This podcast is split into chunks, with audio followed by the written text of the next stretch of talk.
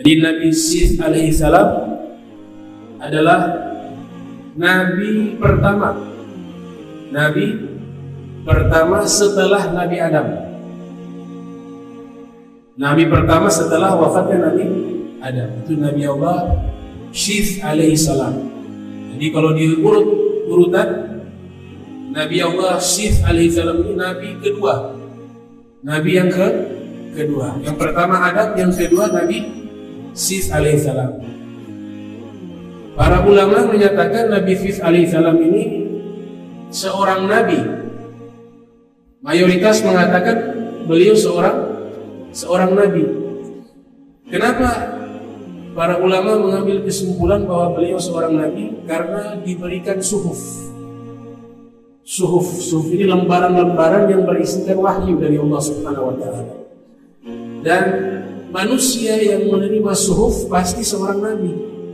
Karena ada suhuf Ibrahim, ada suhuf Musa. Karena Nabi Ibrahim, Nabi Musa seorang nabi, maka Sis juga alaihissalam diberikan suhuf. Namun di dalam Al-Qur'anul Karim Allah Ta'ala tidak menyebutkan nama Nabi Sis. Jadi dalam Al-Quran tidak disebutkan nama Nabi Sis alaihissalam dan tidak menyatakan bahwa Nabi Sis itu seorang nabi. Jadi mereka menyatakan bahwa Nabi Sis alaihissalam adalah seorang nabi dari hadis Rasul Sallallahu Alaihi Wasallam. Yang di mana hadis tersebut Nabi mengatakan Nabi Sis diberikan 50 suruf disebutkan ala sis kepada sis alaihissalam dan Nabi Allah sis alaihissalam inilah nanti anak keturunannya seluruhnya para nabi jadi semua para nabi para rasul nasabnya itu kembali kepada Nabi Allah sis alaihissalam ada seorang tabi'in bernama Wahb Ibnu Munabbih. Beliau mengatakan di wajahnya Nabi Sis alaihissalam itu ada cahaya di jidat. Nanti menjelang wafat, cahaya itu berpindah kepada anaknya. Setelah cahaya itu berpindah kepada anaknya, meninggal usia 900 tahun. Ini Nabi Allah Sis alaihissalam meninggal usia 900 Wahab Ibnu Munabbih mengatakan cahaya itu adalah cahaya Nabi Muhammad SAW. Karena Nabi Muhammad berasal dari keturunannya Nabi Allah Sif alaihissalam. Karena nanti ada keturunan Qabil. Qabil punya keturunan. Nabi Allah Sis punya keturunan nabi-nabi. Jadi Nabi Adam seorang nabi, anaknya nabi, hadiah dari Allah. Kenapa hadiah dari Allah? Karena anaknya yang soleh, Habil itu kan telah meninggal, dibunuh. Habil sudah dibunuh. Sedih, kehilangan. Allah ganti, kasih hadiah. Ini hadiahnya saya berikan anak yang soleh bahkan menjadi seorang nabi. Artinya kalau kita kehilangan sesuatu, jangan berlarut-larut dalam kesedihan. Mungkin Allah ingin mengganti yang lebih baik. Seperti Qabil, membunuh Habil, Habil meninggal diganti Nabi Allah Sif alaihissalam. Karena diberikan hadiah kepada Nabi Adam, hibatullah, hadiah dari Allah, maka diberikan nama Sif yang artinya hadiah dari Allah Subhanahu wa taala. Nabi Sif punya anak namanya Anus, Anusi. Namanya Anusi. Anusi punya anak namanya Kinan. Kinan punya anak namanya Mahlail. Mahlail punya anak namanya Yarid. Yarid punya anak namanya Khanuh. Khanuh ini adalah Nabi Idris. Khanuh Nabi Idris alaihissalam. Khanuh punya anak namanya Matusalah. Matu Salah. Matu Salah punya anak namanya Lamuk. Namanya Lamuk. Lamuk punya anak Nuh, Nabi Nuh alaihi salam. Seterusnya ke bawah nabi-nabi sampai kepada Nabi Muhammad sallallahu alaihi wasallam.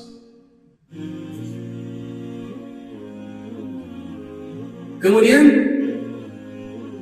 penyakit dari kobil ini hasad, iri hati. Jangan sampai ya Allah jaga kita punya hati jangan sampai ada iri sama orang.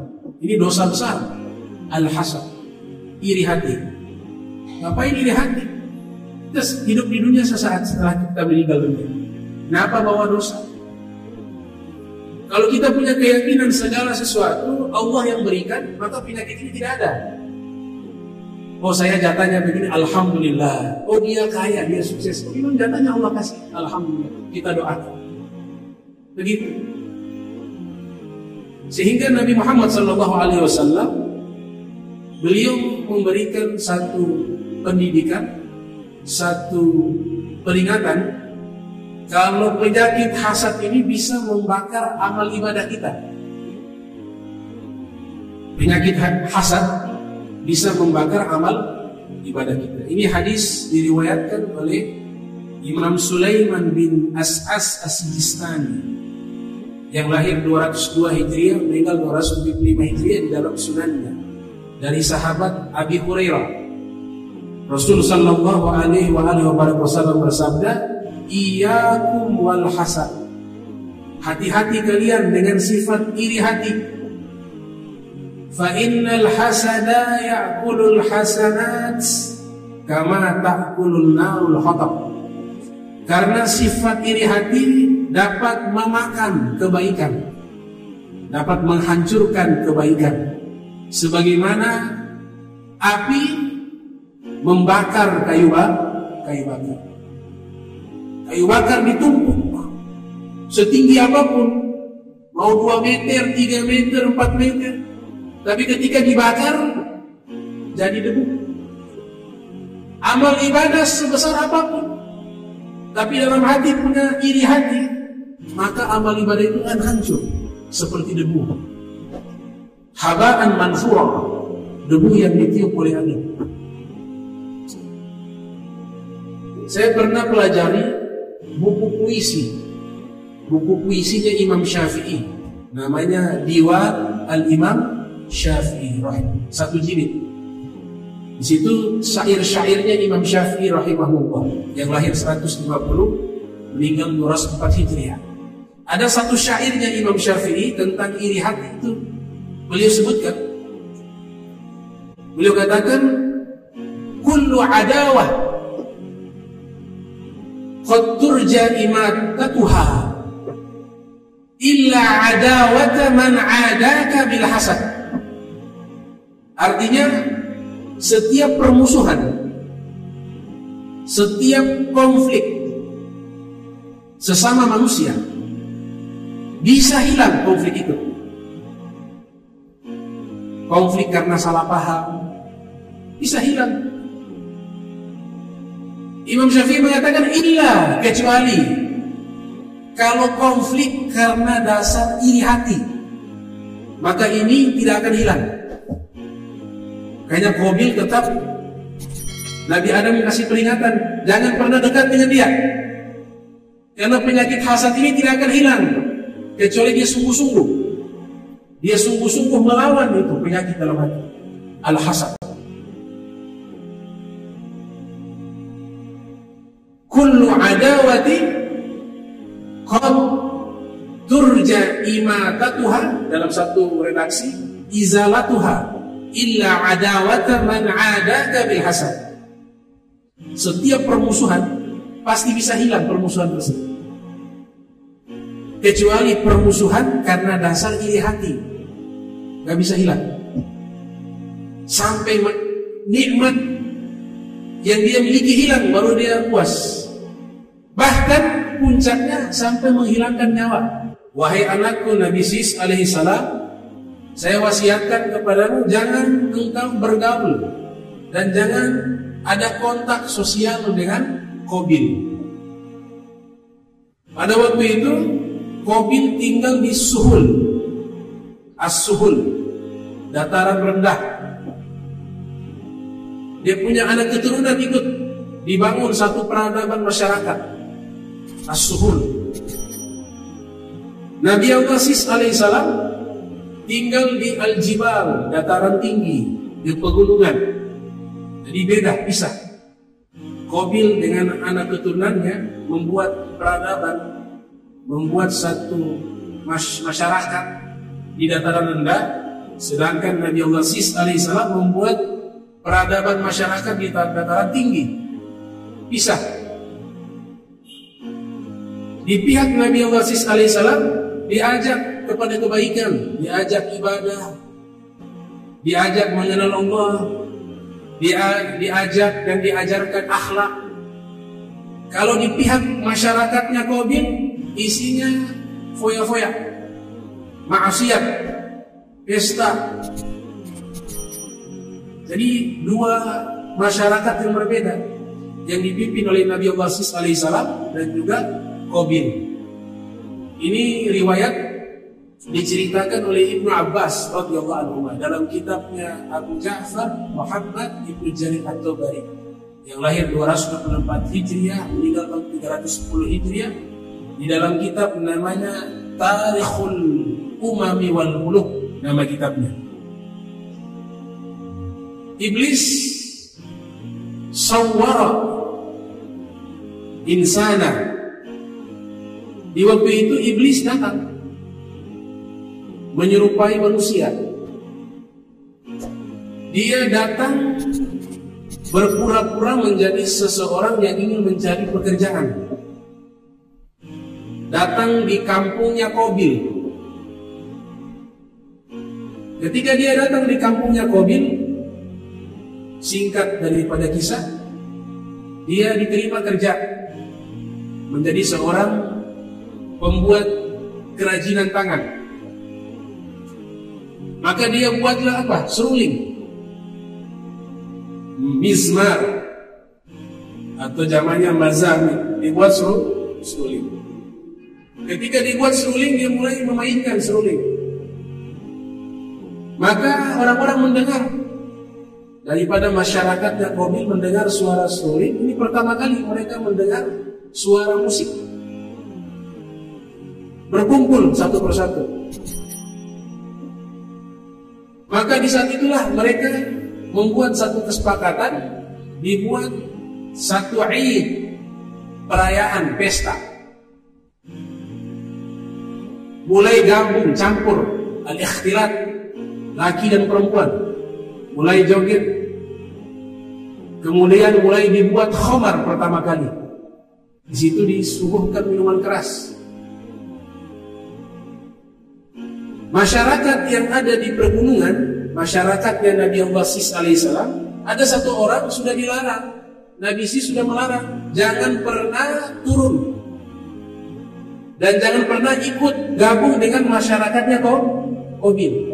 Itu telah dibuat undang-undang di masyarakatnya Nabi Allah Sis alaihissalam.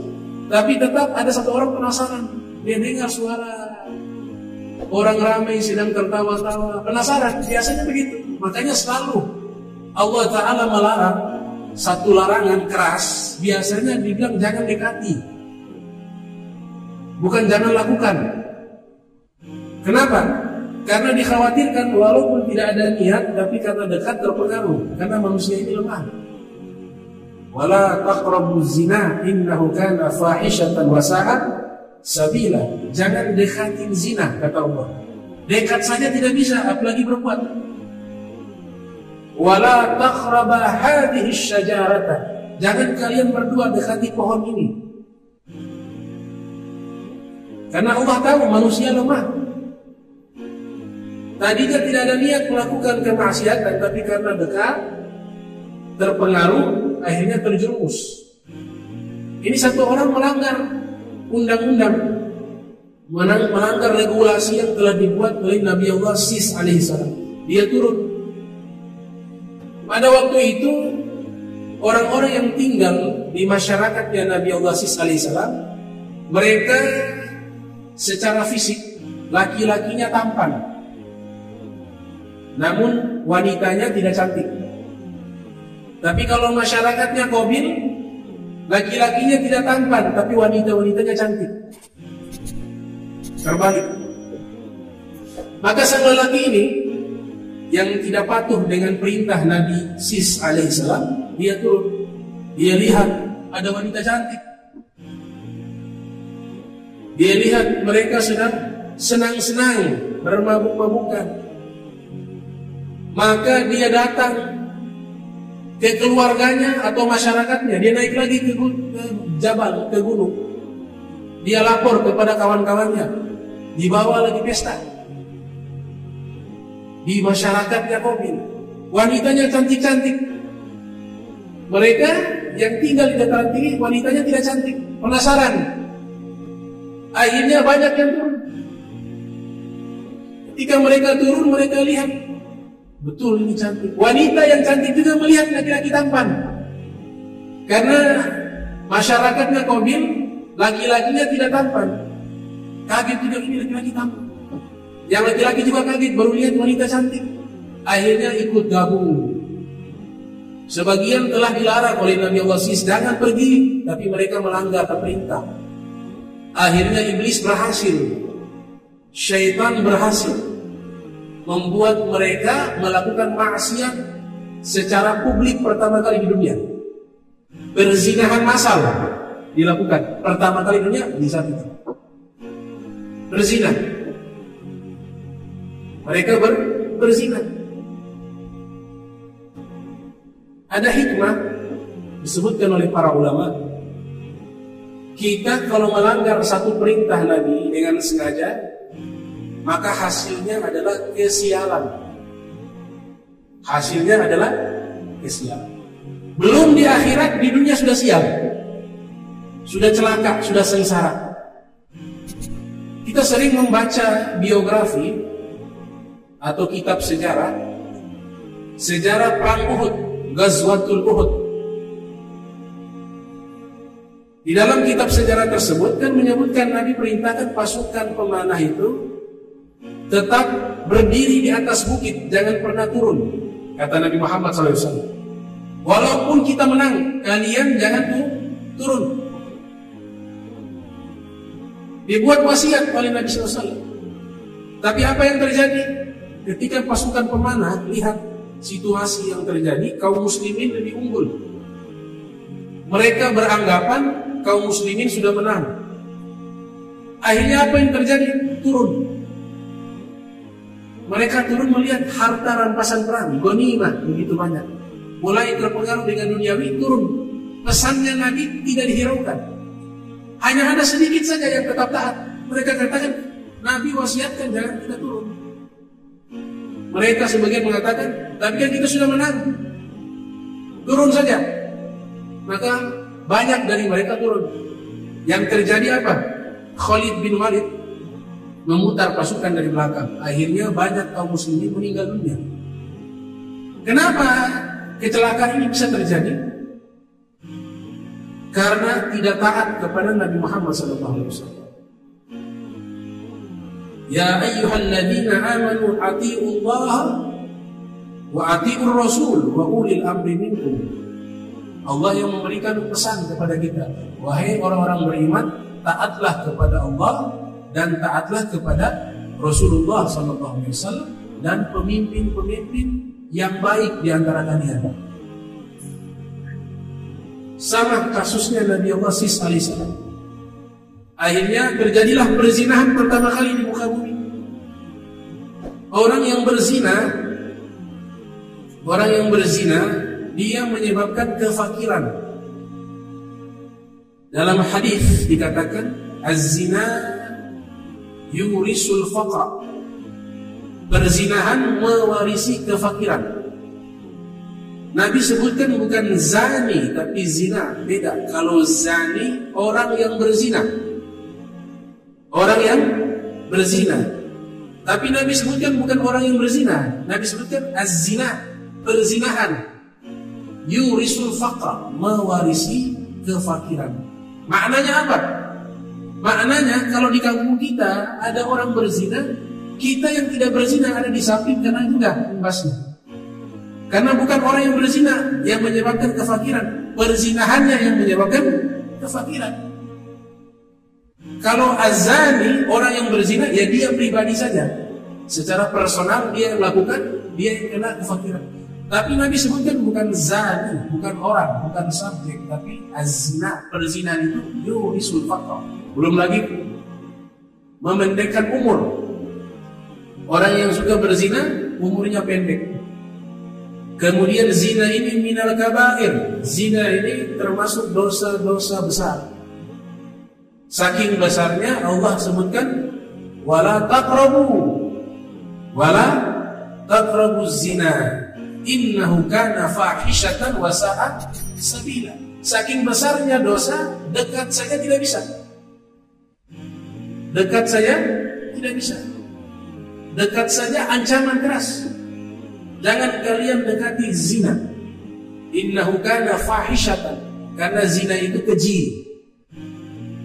Ditambah lagi wasa sabila dan zina itu adalah jalan yang buruk sudah keji jalan yang buruk.